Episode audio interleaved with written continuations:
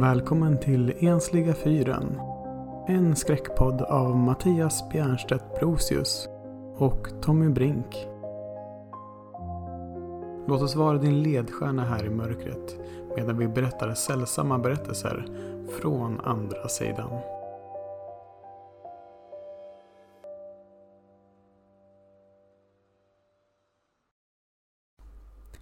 Välkommen till Ensliga Fyrens sommaravsnitt 2023. Det är poddens 20 avsnitt och vi har i vanlig ordning gjort ett par fina berättelser som vi vill läsa upp för er här. Vi vill också passa på att ge ett stort tack till alla ni som lyssnar. Men nu, låt oss börja Ensliga Fyrens 20 avsnitt. Den här berättelsen heter Det var ett mästerverk den är skriven och läses av mig, Tommy Brink. Det var mycket folk inne i den lilla vernissagelokalen. Många personer hördes diskutera och det kom både frågande uttryck, lite upprörda röster och även en del andra som sa ”Wow” och ”Hon är genial”. I bakgrunden hördes de vackraste melodierna jag kunnat föreställa mig. Det var som en glad visa från barndomen som jag inte minns att jag hört på länge. Detta till trots av vetskapen om vad varje ton i uppbyggnaden av låten bestod av. Till slut kom jag fram till målningen. Det var ett mästerverk. Stor och bred längs ena kortsidan av lokalen. Trots att jag visste vad färgerna bestod av var konstverket något av det vackraste jag sett. En daggfylld sommaräng i skymningen den var välgjord så att nyanserna av de ditmålade formerna var det som tog plats på målningen snarare än färgerna. Allt var så detaljerat, varje blad, skälk och blommor i förgrunden. Och sedan kom det lätta diset strax innan skogsbrynet tog vid bort i fjärran. I bakgrunden fortsatte musiken. Lyssnade jag riktigt noga kunde jag precis urskilja varje skrik, explosion, stön, tjut och kvidande som allt var ihopklippt av. Hon hade visat materialet för mig innan men jag hade inte hört den ljuva serenaden som hon sammanfogat dem till innan kväll. På väggarna hängde texter med små korta beskrivningar om vart allt har hämtats ifrån. Vilka ljudklipp som sammanfogats och vilka kroppsvätskor som målningen var gjord med. Vilka funktioner de i kroppen fyllde samt beskrivningar av om djurs hudar en klänning var gjord av. Jag funderade lite grann på vilken klänning det kunde vara. När jag läste allt blev jag lite illa till mods. Jag hade inte känt henne så länge att jag visste hur hennes kreativa process såg ut eller vart hon fått tag i materialen som beskrivits. Vad var tanken med det hela? Att göra så fina verk med en canvas av penslar av tortyr och död. Då öppnades dörren inifrån andra änden av lokalen. När hon kom in så tappade jag hakan. Hon hade en sammetstunn skinnklänning med spets i flera lager. Den var väl genomarbetad och den klädde henne som handen i handsken. Jag blev helt paff över synen. När hon kommit fram till vernissagens mitt så tog hon upp en mikrofon. Hon tackade alla som kommit och sa att hon förstod om man blivit påverkad av vad man läst på texterna på väggen. Som alltid så är ju konst till för att väcka tankar och känslor sa hon. Jag kan upprepa vad som står på väggarna för att verkligen hamra in misären eller avväpna det hela med att det är vattenfärger, trafikljud och att det jag har på mig är fejkskinn. Det finns många sätt att låta hjärnan fly från de jobbiga verkligheterna runt om oss. Och ofta tänker vi inte på allt lidande som gjort våran vardag så obehaglig. Alla generationer som kämpat ihjäl sig under levnadsförhållanden långt värre än några vi kan tänka oss idag med sjukdomar och avsaknaden av sinnesbedövningar. Det här var det enda bedövningen i många fall. Det är de sinnesintryck vi ville fly ifrån, säger hon och lyfter på en flaska som det står etanol på. Under så har hon skrivit Sprit för fest och vardag. Och idag kämpar folk utanför västvärlden vidare. Många med bättre förutsättningar än förr. Men fortfarande i levnadsstandarder vi aldrig kunnat tänka oss längre stund än som en upplevelse. Sedan ska vi i länderna inte heller ha det för bra. Vi har krig, vi har ekonomisk livegenhet till företagen. Företag som formar hur vi tänker, klär oss, äter och lever på alla sätt och vis. Men innan jag fortsätter. Vi blir bara gärna avtrubbade till de här delarna. Vissa av oss känner till dem och ältar dem. Andra har låtit dem bli ett bakgrundsbrus till vardagen. En ny jobbig rubrik i tidningen. En tråkig nyhetssändning. Men tänk att det de offrat är för att vi alla ska leva och frodas. Vår tid och vad vi har möjlighet att göra med den är det finaste vi har. Dela den med någon du tycker om. Eller någon helt främmande. Eller skäm bort dig. Ja, gör det. Tänk på vad som offrats. Men missunna dig inte ditt egen uppskattning med. Jag vill avsluta den här vernissagen med några ord från Evert Taube. Det släcks ner och blir mörkt i lokalen och en projektor visar bilder från vad jag antar är ett flyktingfartyg. Överbelamrat med folk som försöker hålla sig kvar. Och hon talsjunger nästan texten.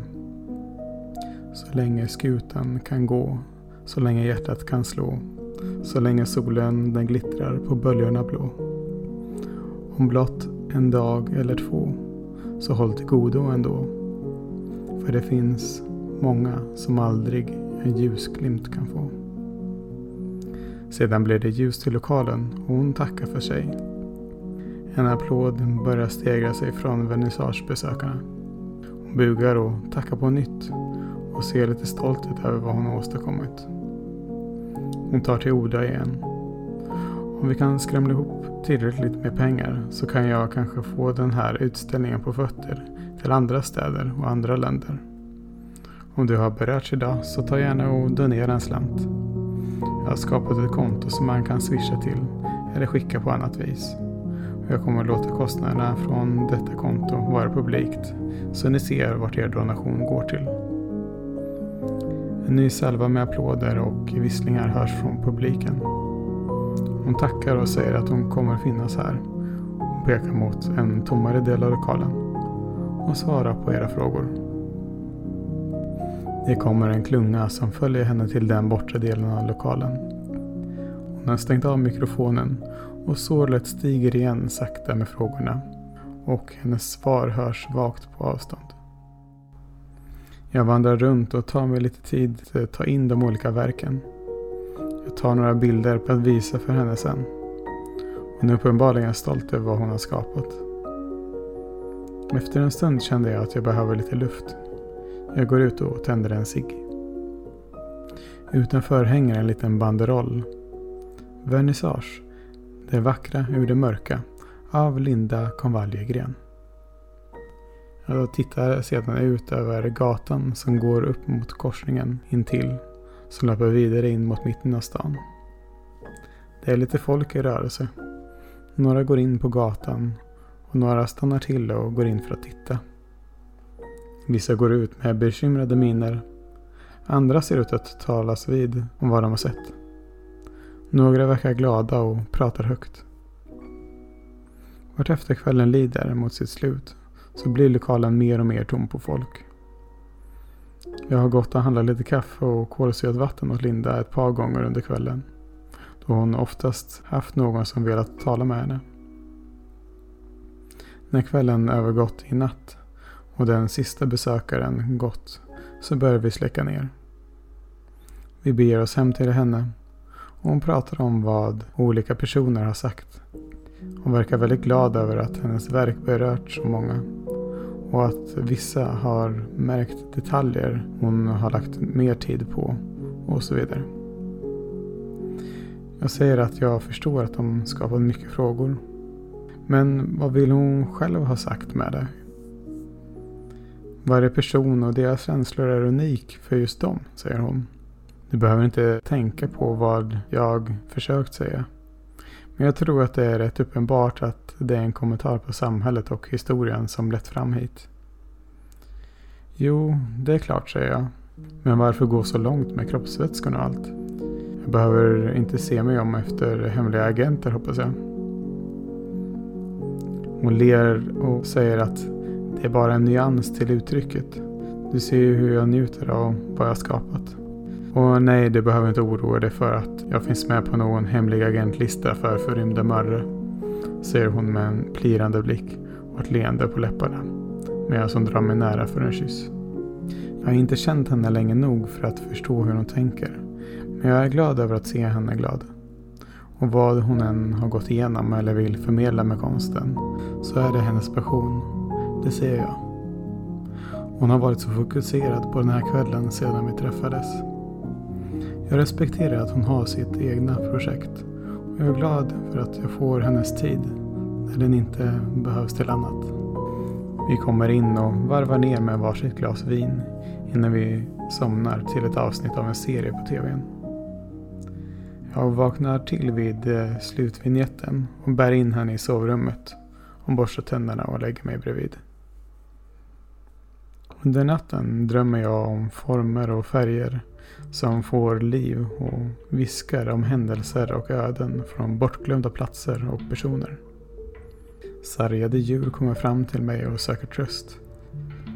Någonstans försöker jag hjälpa dem. Men vartefter drömmen går så bildas de till vätska som sipprar igenom fingrarna på mig. Eller mjuknar till en dimma som böljer över ett landskap som sakta börjar kännas igen. Jag funderar på om det är en väns sommarställe jag följde med till som liten. Men efter en stund kommer jag till insikten att det är ju målningen som Linda har gjort.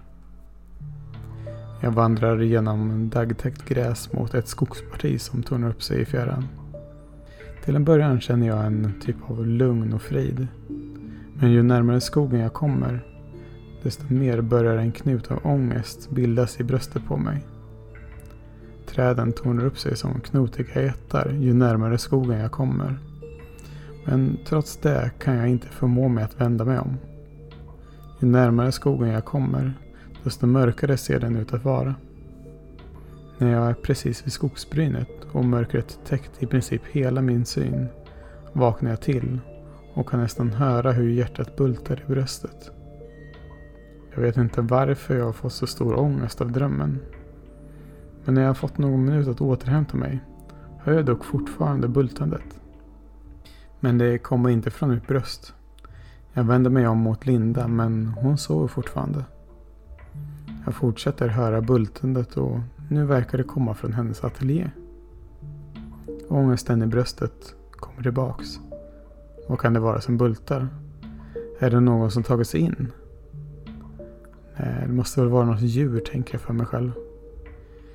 Jag stiger ur sängen och går mot dörren. Jag tittar mig om efter något tillhygge. Jag ser ett trasigt ben till ett staffli som nyligen satts i en större blomkruka för att ge en växt något att klättra på. Jag tar det säkra för det osäkra och drar ur den ur blomkrukan. Fortfarande med bultandet inifrån ateljén hörandes i bakgrunden. Jag håller den närmare mitten i ena handen för att få ett bra grepp för säkerhets skull. Sedan öppnar jag dörren och tittar in. Rummet är mörkt och tyst. Så när som på ett halvöppet fönster som slår fram och tillbaks i vinden. Tydligen har det knutits fast ett snöre i ett bordsben intill fönstret och bordet slår mot väggen i oregelbunden takt till vinddraget. Jag pustar ut lite tyst för mig själv. Ställer ifrån mig stafflibenet och stänger till fönstret. Det segstängda fönsterhandtaget gnisslar till. Tittar ut genom fönstret och ser månen och den stjärnklara natthimlen ovanför. Sedan skiftar jag fokus mot reflektionen i fönstret. Först tror jag att det bara är min spegelbild. Men med panikpåslag inser jag att det är massa människor och djur bakom mig i reflektionen. Som stirrar kallt på mig. Jag hoppar till och ger ifrån mig ett litet utrop i ren panik medan jag vänder mig om av ren instinkt. När jag släppt blicken från fönstret och vänt mig om står det dock ingen där. Jag tittade mig om igen för att se om jag sett i syne. Och nu är det bara min egen reflektion som tittar tillbaks på mig från fönstret. Sedan hör jag hur Linda vaknar till tog med mig staflibenet ut och sätter tillbaks det i krukan och ursäktar mig med att jag misstog något i fönstret för något skrämmande när jag stängde det då det slamrade fram och tillbaks och väckte mig. Ja just det, säger Linda lite sömndrucket. Fönstret ja, bra att du stängde det, säger hon och vänder sig om och verkar somna om. Jag är lite för vaken för att somna om direkt så jag går in och tittar i ateljén och ser på bilderna hon har arbetat med. Och på burkarna som verkar innehålla färg. Och det står någon beteckning på dem. Jag gissar att det är ett eget system hon har för att eh, veta vad de olika färgerna används till. Bilderna är olika naturbilder i stil med den på vernissagen. De flesta är i olika ofärdiga stadier. Men några av dem är i princip klara. En av dem är en mindre variant av samma bild från vernissagen. Nästan exakt likadan. Jag dras in av bilden på samma vis som i lokalen tidigare. Sakta i bakhuvudet hör jag musiken igen och kan börja urskilja vissa av ljuden som hon spelat upp för mig innan vernissagen när hon förklarat för mig hur hon har gjort dem. Så hör jag en vass viskning i örat. Vad gör du? Jag vänder mig om, men det är ingen där. Hjärtat dunkar hårt igen. Men jag tänker att det är mitt samvete som vill att jag lägger ifrån mig saker som inte är mina. Jag tar och går ut i köket istället och tar med ett glas vatten. Linda sover tungt i sängen. Jag ställer ifrån mig glaset och kryper ner. Fortfarande lite ängslig som om vi var iakttagna. Men till slut lyckas jag somna. Nästa morgon vaknar vi till av att Lindas telefon ringer. Hon svarar lite sömndrucket. Ja, vad är det? Sedan spärras hennes ögon upp och hon verkar klarvaken. Va? Vad sa du? Vad har hänt? I natt? Hur? Vi låste ju. Okej, okay, vi kommer direkt. Sen lägger hon på och ber mig komma upp. Något har hänt på utställningen. Jag hoppar upp på i kläderna direkt. Senare skyndar vi oss ut i hallen och på med skorna innan vi skyndar oss vidare bort mot lokalen. Fönstren till lokalen är sönderslagna och vi går in för att se vad som hänt. Kvinnan som äger lokalen står där med ett par poliser. Linda frågar om hennes kreationer. Men till allas förvåning hänger tavlan orörd på väggen. Vi tittar till klänningen som hon har hängt av sig. Den hänger på sin rätta plats. Och alla lappar och allting på väggarna hänger som de ska. Vi ger polisen vår version av vad vi gjorde när vi lämnade platsen igår. Därefter hjälper vi till att sopa upp glaset från golvet. Sedan bär vi hem konstverken så de är i säkert förvar. Därefter går vi ut och tar en kaffe och en välbehövd frukost. Vi diskuterar vem som kan ha kommit förbi och krossat fönstren. Men eh, det är svårt att komma på någon speciell. Vi spekulerar över ett par personer men inser att det mest är våra fördomar och inte finns något riktigt belägg som verkar övertygande. Efter en lång stund tar vi och delar på oss. Linda ska titta till målningarna och har ett par samtal att göra. Och jag känner att det kan vara skönt med lite egen tid efter en dålig natts sömn och det snabba uppvaknandet. Resten av dagen förflyter ganska händelselöst. Jag ringer Linda för att höra hur det gått och om hon vill ta en bit mat på en restaurang imorgon. Det kan hon tänka sig, säger hon och berättar om hur samtalen har gått. Sedan lägger vi på och fortsätter med vårat. Jag tar en tupplur och en tidig middag och därefter går jag en promenad. Jag vandrar längs en bäck och ser min upp och nedvända reflektion i en vattendroppe som hänger på spetsen av ett löv. Och kommer då att tänka på händelserna från natten innan igen. Var det verkligen i mitt huvud? Var det rester av drömmen jag hade innan? Det måste det ju ha varit. Det fanns ju inga andra där. Något med ansiktena i reflektionen kändes dock igen något vagt. Hmm. Kan det ha varit flyktingarna på båtbilden som Linda använde sig av under vernissagen? Det är ju rimligt att hjärnan sammanfogar saker den sett innan, tänker jag för mig själv. Ovanför mig drar molnen ihop sig och det känns i luften som att det kan börja regna när som helst. Så jag vänder om på stigen och går tillbaka. Efter en kort stund så hör jag ett muller i fjärran bakom mig. Så jag skyndar mig lite mer för att om möjligt hinna hem innan regnet bryter ut. Jag hör mullret igen och börjar höra hur tunga droppar börjar singla ner från himlen. Jag möter någon på vägen som redan dragit upp jackan över huvudet medan han joggar förbi mig.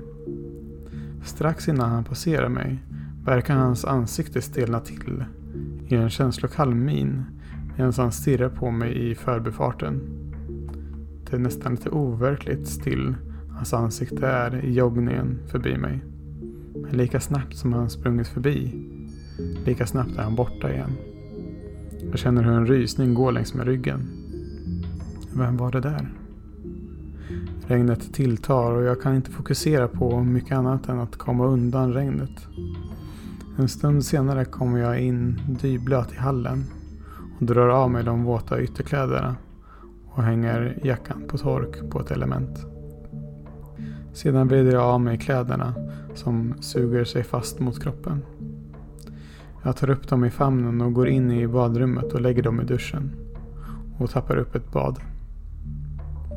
Därefter vrider jag ur kläderna i duschen och hänger dem på tork. Jag sköljer av mig och går sedan naken ut i köket och värmer en kopp choklad. Tar med en bok med en bricka att ha allt på. Timingen är rätt bra för strax efter jag satt ner brickan över badkaret är vattnet tillräckligt fyllt. Jag sänker mig ner i det ljumna vattnet och känner ett lugn skölja över mig. Jag tar en klunk choklad och blundar lite. För mitt inre ser jag personen från promenaden. Jag ville koppla honom till någon av de tidigare händelserna. Men efter lite minnesletande släpper jag dock det hela och tar upp boken för att läsa istället. Kommer en bra bit i boken och har druckit upp det mesta av chokladen när jag hör telefonen ringa. Den ligger såklart i byxorna så jag får resa mig upp och ta mig upp ur vattnet och ta ur den ur byxorna. Det är Linda igen som hör av sig. Hon låter lite ansträngd. Jag frågar hur det är fatt. Hon säger att hon har svårt att förklara. Men det är något med målningen. Och hon vill att jag kommer över. Jag känner mig rätt trött efter allt så jag frågar om jag kan komma över imorgon. Men hon insisterar på att jag ska komma över nu. Jag säger att jag kommer bort direkt. Hon tackar och lägger på. Jag går upp och tappar ur badkaret och klär på mig. Det är ganska ovanligt att höra henne på det viset då hon under hela vår tid tillsammans varit noga med att vi ska ha mycket egen tid. Som konstnär behöver jag tid för att få inspiration bland annat, minns jag att hon har sagt. Båda är rätt noga med att få en del egen tid.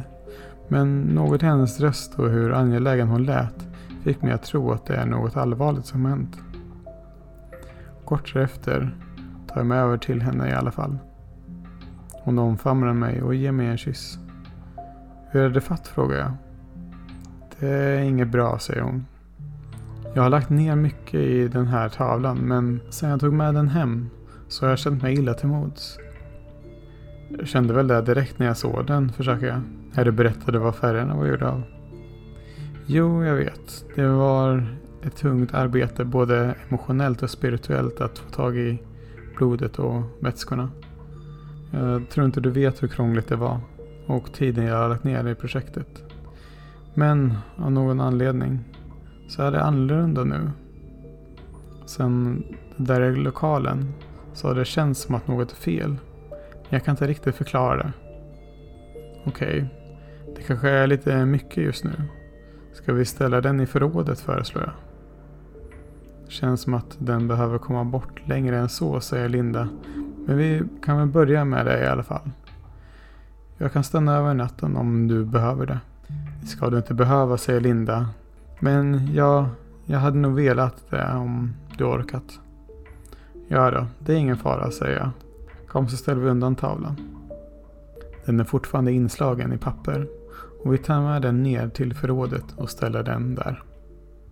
Imorgon kan vi se om vi kan hitta ett bättre hem åt den, föreslår jag. Det låter bra, säger Linda. Och blir kvar vid tröskeln en stund, tittandes mot tavlans håll. Innan hon släcker och vi går upp till henne. Vi varvar ner med lite vin och popcorn i soffan och läser varsin bok till tonerna av några av hennes egenkomponerade låtar. Hon tar upp ett block och skriver ner några anteckningar till sig själv. Uppenbarligen ställen i låtarna som hon vill göra ändringar till eller som hon vill förstärka på något vis. Det är en blandning av elektronisk och eh, akustisk musik. Och när det börjar bli sent så börjar vi avrunda för läggdags. Då börjar hennes låt från vernissagen spela. Ja, den är fin trots de hemska ljuden du använde för att skapa den, säger jag. När jag vänder blad. Jag la inte in den i den här listan, säger hon och ser lite fundersam ut. Hon går upp och går till datorn för att se efter. Vad konstigt, säger hon. Den ligger i varje musikmapp jag har. Har du varit inne och lagt till den här? frågar hon. Nej då, jag har inte rört din dator, säger jag. Okej, okay. mm. Ja, det är konstigt i alla fall. Jag plockar bort dubbletterna här, säger hon. Jag läser klart sidan och går sen och borstar tänderna. Linda sitter fortfarande och plockar bort filer på datorn när jag är klar. Hur går det? frågar jag. Jag vet inte. Det är som att den har hamnat på massa ställen den inte ska. Jag förstår det inte. Kanske har jag råkat kopiera den tillsammans med någon annan fil och jag klickat fel några gånger och fått med den. Hon tittar skeptiskt på mig. Ja, jag vet inte. Jag försöker bara rationalisera det. Mm, tack, säger hon och vänder tillbaks huvudet mot skärmen. Ja, jag tror jag har fått bort dem från de mappar som den inte ska vara i i alla fall, säger hon. Jag ska bara se att originalljuden inte flyttats på. Och imorgon så får jag söka igenom datorn efter virus eller sånt som kan trassla till det i datorn, säger hon. Vad är detta? Hör jag henne säga precis när jag ska in i sovrummet. Jag vänder mig om och kommer bort till henne igen. Varje ljudfil har namnet av ett ord och de ligger i en ordning som bildar meningen Du som skändat våra kroppar kommer att ångra dig.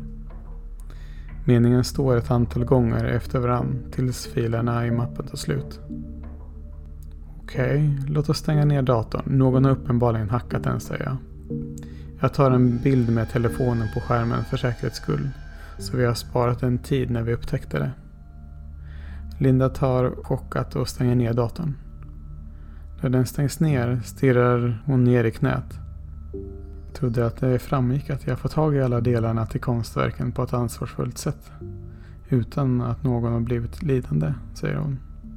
Jag håller om henne och säger att ja, det är nog bara något troll som vill bråka. Tänk inte på det. Hon tittar upp på skärmen som nu har slocknat. Vad är det där? säger hon då och pekar på skärmen. Jag tittar upp och får samma syn som från fönstret natten innan. Det är en massa människor och djur som stirrar på oss. Reflektionen försvinner dock lika fort som den dök upp. Såg du? frågar Linda. Ja, jag såg, bekräftar jag. Börjar bli lite orolig nu när hon också ser samma saker. Det kanske inte är inbildning ändå. Hon tar fram rökelse som hon har i ett skåp och tänder en rökelsepinne och går runt i hemmet och vaggar den rykande pinnen av och an framför sig i hela hemmet. Jag, som inte är så spirituell av mig, sitter och låter henne utföra det hon känner att hon behöver göra. Jag vet inte vad som hade kunnat hjälpa i vilket fall. På något vis så vill jag ändå rationalisera det som stress och dålig sömn. Kanske jag med min fantasi har lyckats nämna det jag sett i förbifarten och påverkat henne. Oavsett om rökelsen får henne att känna mer kontroll över situationen så tänker jag inte säga emot. Sedan går hon också och borstar tänderna. Och låter rökelsen fortsätta pyra utanför sovrummet i en hållare som fångar upp askan. Sedan kryper hon ner bredvid mig. Tack för att du kom. Jag förstår inte varför det här händer nu. Jag mådde dåligt vissa stunder under skapandet av musiken, tavlan och klänningen. Men det trodde jag var min vanliga skaparångest. De som givit mig de här vätskorna, ljuden och lädret, kanske inte fick tag på dem på det viset som vi kommit överens om. Jo, men det kan också vara stress, försöker jag. Ja, det är väl ett bra sätt att kunna rationalisera det med. Vi håller om varandra och blundar. Strax innan vi somnar säger vi godnatt. Även denna natt kommer drömmarna till mig. Det är olika människor och deras öden som spelas upp för mig. Någon är med om en bilolycka. Någon annan trillar ner för ett krön. Ytterligare någon tar sitt eget liv. Till slut mår jag så dåligt av allt jag ser att jag vaknar till. Usch, vilken jäkla mardröm, säger jag tyst för mig själv. Och drar av mig täcket och ska just stiga upp ur sängen. När jag ser något framför sängen. Det är tavlan som vi ställde i förrådet. Jag tappar hakan och vänder mig till Linda. Hon ser ut att drömma något dåligt hon med. Jag tänker på hur hennes panna rynkar sig och ögonen fladdrar bakom ögonlocken på henne. Jag skakar lite försiktigt på henne. Linda, vakna, viskar jag. Strax vaknar hon upp och gäspar till. Usch, det var en otrevlig. Hon stannar mitt i meningen. Har du tagit upp tavlan? frågar hon. Nej, viskar jag. Den stod här när jag vaknade. Vad gör vi? Vi klär på oss sakta och drar till dig, säger hon. Jag instämmer. Oavsett vad som gjort detta så vill det skrämma oss. Jag drar på mig kläderna och beger mig mot dörren med en arm redo utifall att jag behöver försvara mig mot något. Linda följer strax efter. Vi hinner bara komma ut i vardagsrummet. Jag vänder mig om för att se hur det går för Linda. Men det är tomt bakom mig. Jag går in i sovrummet igen för att leta efter henne. Hon står med en arm över ansiktet lutad mot väggen på andra sidan sängen. Linda, kom, viskar jag. Men jag får inget svar. Så jag går förbi tavlan mot henne för att se hur det är fatt med henne. Det känns som att tavlan strålar kyla från sig. Jag känner knottrarna på huden som stiger längs sidan jag har mot tavlan när jag går förbi den. Jag kommer fram till Linda och omfamnar henne till ett med ena armen och försöker stödja henne med den andra. Hur är det? De har hittat mig, säger hon. Vilka då? frågar jag. De vars kroppar hjälpt mig skapa konstverken. Ehm, är du säker? frågar jag lite fårskalligt. Det är ju bara vi här. När jag säger det så reser nackhåren på mig. Och jag känner att det är en lögn. Jag vänder mig om mot en massa människor och djur som står och stirrar på mig med kalla beskyllande miner. Hon säger inget utan bara står där och stirrar på mig och jag känner hur paniken är ett faktum. Något i mig vill fly men jag har lyckats få sinnesnärvaro nog för att inse att jag måste få med mig Linda. Jag drar henne loss från positionen hon står i och försöker gå mot dörren. Genom folkmassan framför mig. Jag känner hur varje fiber i min kropp skakar. Jag vill bara inte vara där. Jag är vid tavlan nu och de tar plötsligt ett steg mot mig. Ett litet utrop kommer ur mig och jag rycker till instinktivt. Sen blundar jag och med en Linda i famnen försöker jag springa och tackla mig förbi de som står i vägen. Jag känner hur kalla händer greppar om mina armar och mig.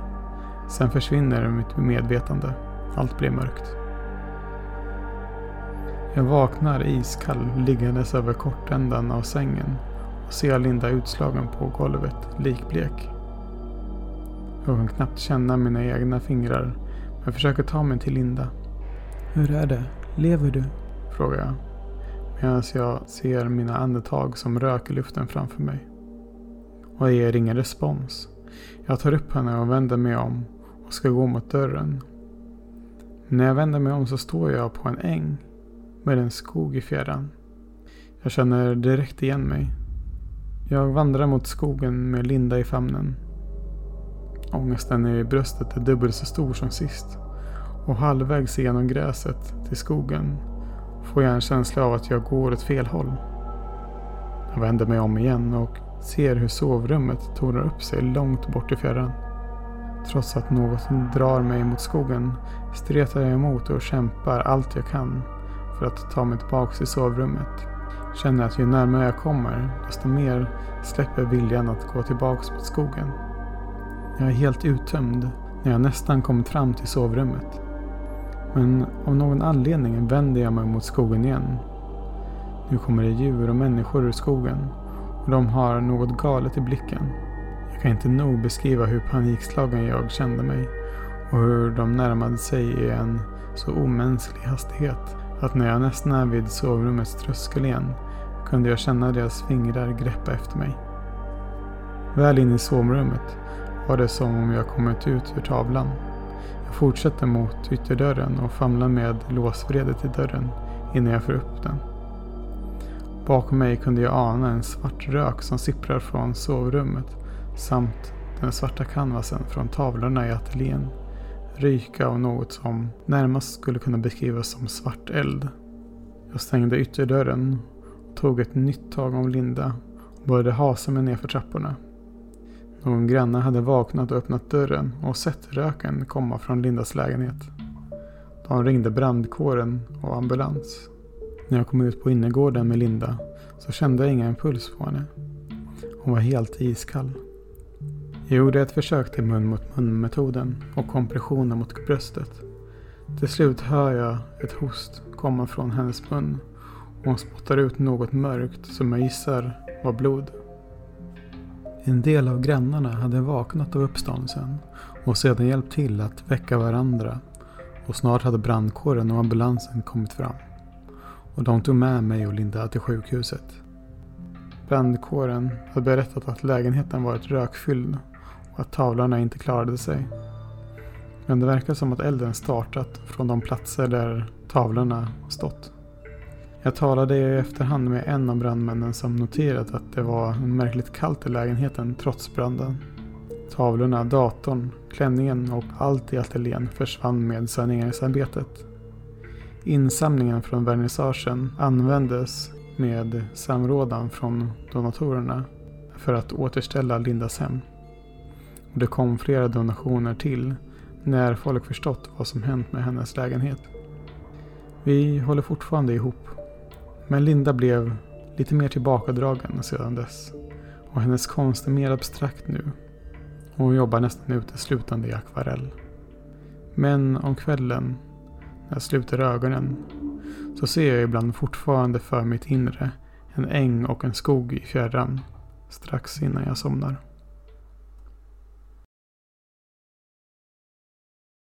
Nästa story heter Nocturne. Och det är jag, Mattias Bjernstedt Brosius, som har skrivit denna med hjälp av ChatGPT. Och det är även jag som ska läsa upp storyn. Det var en kylig höstkväll när Adam, en ung man i 20-årsåldern, befann sig på en spännande utlandssemester. Han hade rest till en mystisk stad med ett rykte om händelserika nätter och pulsande nattliv. En kväll bestämde sig han för att utforska stadens nattklubbar och hamnade på en av de mest välkända. En plats som heter Nocturne. På klubben mötte Adam en annan kille, Max, som verkade vara en trevlig och utåtriktad person. De två började prata och fann snabbt en gemensam kemi. Max berättade entusiastiskt om en efterfest på ett avlägset ställe och bjöd in Adam att följa med. Trots att Adam hade en vag känsla av oro överväldigades han av nyfikenhet och bestämde sig för att äventyra sig vidare med Max. De kliver ut ur klubben och vinkar till sig en taxi som tar dem genom stadens ödsliga gator.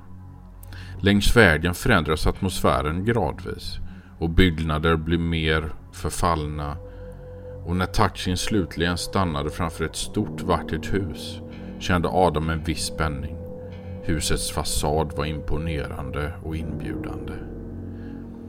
De öppnar husets imponerande portar och går in i en trädgård som en gång var fylld av blomstrande växter. Musiken strömmar genom luften och skratten fyller utomhusområdet. Adam och Max minglar med de andra festdeltagarna och har en trevlig stund. Men gradvis börjar Adam märka något udda med människorna runt omkring. Deras leenden verkade vara lite för påtvingande och deras blickar håller fast vid honom lite för länge. Obehaget kryper sakta inom honom men han försöker att starta av sig känslan och fortsätter att delta i festligheterna. Inne i huset fortsätter stämningen att förändras. Vackra inredningsdetaljer ersätts gradvis av dammiga och trasiga möbler. Det eleganta ljuset ersätts av dunkel och skuggor som tyst dansar längs väggarna. Människorna runt omkring Adam beter sig allt mer konstigt och deras leenden ser nu mer ut som ett krympt flin. Han börjar märka märkliga ritualer och mörka symboler som är utspridda i rummen. Obehaget stiger inom honom ännu mer och han kände sig instinktivt hotad. Paniken börjar ta över Adams sinne och han inser att han måste fly från detta plötsligt hotfulla ställe. Han smyger sig genom de mörka korridorerna i huset, undviker blickarna från de främmande gestalterna som verkar ha blodtörst. Tapeterna flagrar, golven knarrar under hans fötter och atmosfären tycks bli allt mer kvävande. Han kämpar sig framåt i hopp om att hitta en utväg och lämna denna skräckinjagande mardröm bakom sig. Till slut finner han en väg ut och springer så fort hans ben bär honom till han når en polisstation. Han är andfådd och förvirrad när han desperat berättar för polisen om det stora huset och vad som pågick där. Men poliserna ser på honom skeptiskt och to- tror knappt på hans berättelse. De berättar att huset en gång var en präktig herrgård men tidens tand har förvandlat den till en förfallen ruin. Han undrar om vad han var med om. Om det var en verklig skräckupplevelse eller om det bara var en ondskefull dröm som fortfarande förföljer honom. Från den natten är Adam för alltid märkt av sitt traumatiska möte med det övernaturliga. Han kan aldrig glömma den gradvisa förändringen från det trevliga och inbjudande till det kusliga och hotfulla. Oavsett om huset en gång var vackert eller inte kom han alltid att minnas den fasansfulla kvällen.